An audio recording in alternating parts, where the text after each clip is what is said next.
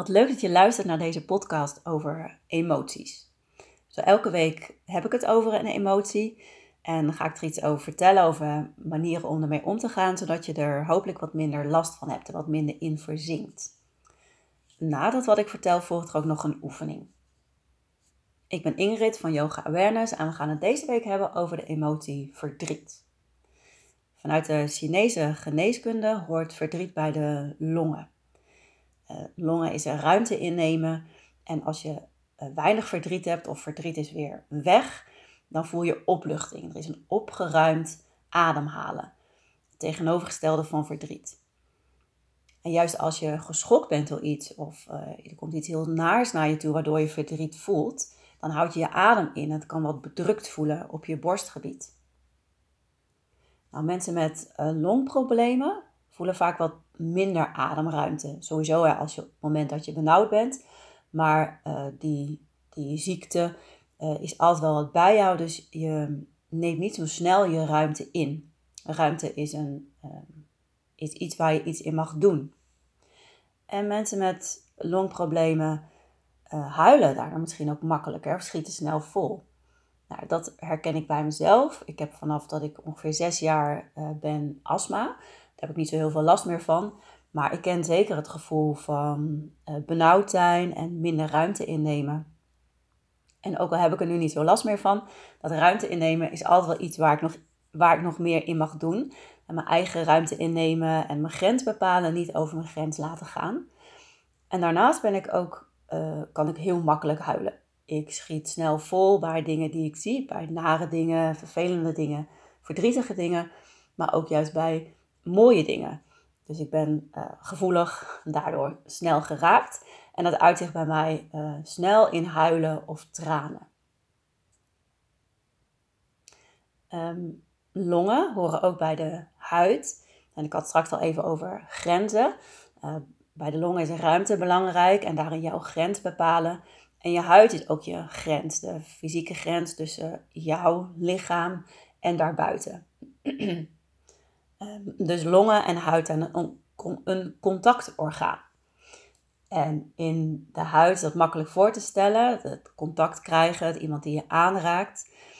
Um, maar ook in de longen, of, of, vanuit de longen, is er contact met alles en iedereen om je heen, omdat iedereen dezelfde lucht inademt. Je bent altijd in contact met iedereen en alles om jou heen. En bij de longen, uh, bij de adem, is dat contact minder direct, maar onontkoombaar. En bij de huid is het contact directer, maar daarin weer minder verplichtend. Nou, als je uh, ook contact krijgt, of voor huidcontact, dan werkt dat troostend. Dus als er verdriet is en iemand geeft jou of, of, verbindt zich met jou, um, komt met jou in contact, dan werkt dat troostend. Uh, we gaan een, uh, een oefening doen um, waarbij je rustig mag gaan zitten, de aandacht naar jezelf mag brengen. En zo voel maar even hoe het met je is.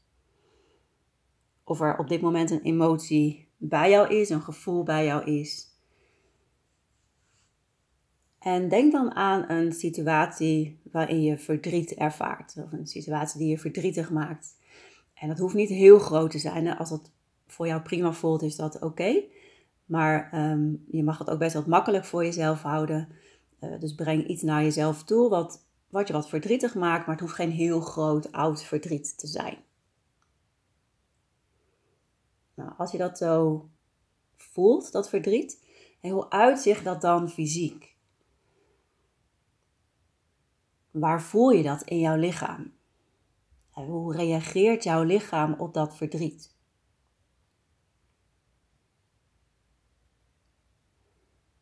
Misschien krimp je wat ineen of voel je minder ademruimte een bedrukt gevoel op je borst.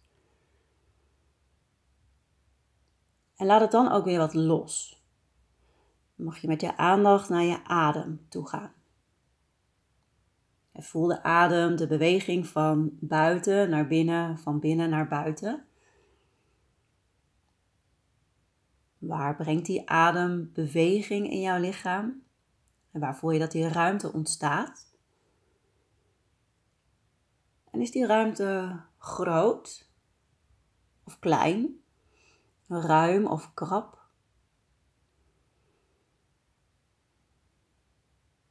Bedenk dan dat je op een plek bent waarin je heel prettig voelt. Waarin er veel ruimte is, waarin je de verbinding ervaart met buiten.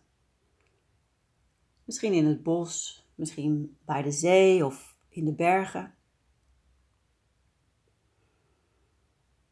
En als je daar zo staat in gedachten, hoeveel ruimte ervaar je dan? En waar beweegt dan de adem naartoe? Kijk maar of je die ruimte van buiten jou in verbinding kan brengen met binnen jou. Hoeveel ruimte ervaar jij aan de voorkant van jouw lichaam, van binnen naar buiten? En hoe beweegt de adem in dat gebied?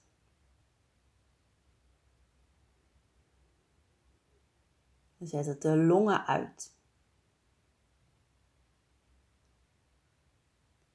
Zo mag je ook de ruimte aan de achterkant van jou voelen. Hoeveel ruimte is daar? En maak verbinding van binnen naar buiten, de adem die beweegt vanuit jou naar de ruimte achter jou.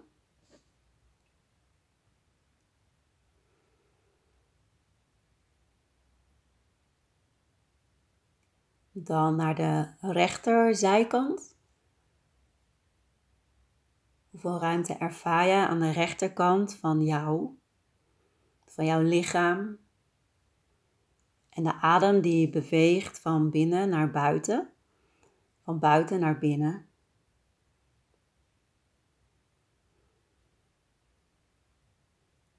Om dat ook zo te doen aan de linkerkant. Hoeveel ruimte is daar aanwezig? Er verbindt hem weer met je adem.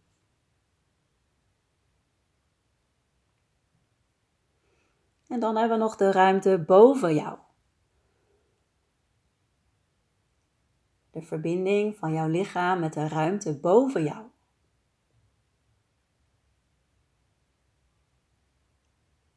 En de ruimte onder jou. Zakt daarin de adem. Voel je dat de longen kunnen werken, alle longblaasjes. Dat allemaal hun werk kunnen doen, dat er veel ademruimte voelbaar is in jouw lichaam in verbinding met jouw buitenwereld. Wat voor gevoel geeft dat jou? En plaats dan in de ruimte die je ervaart die verdrietige situatie. Je kijkt er vanuit een afstandje naar. Je zit niet in die situatie, je zit niet in het verdriet. Je plaatst die situatie met dat gevoel in de ruimte die jij ervaart.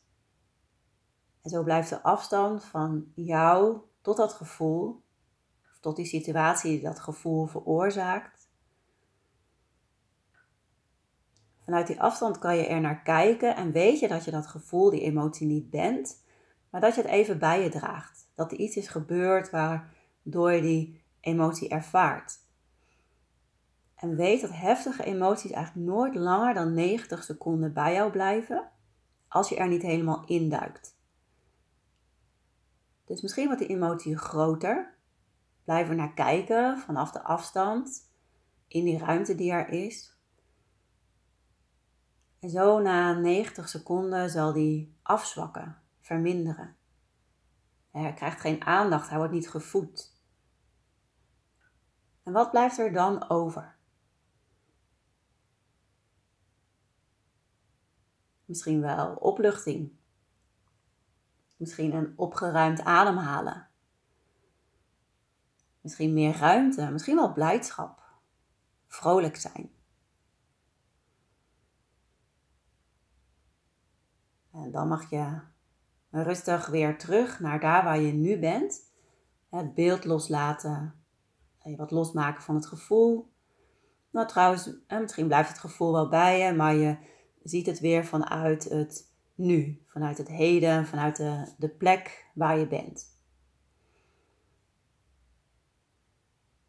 Nou, zo kun je uh, omgaan met emoties, heftige emoties, waar je normaal helemaal induikt, misschien.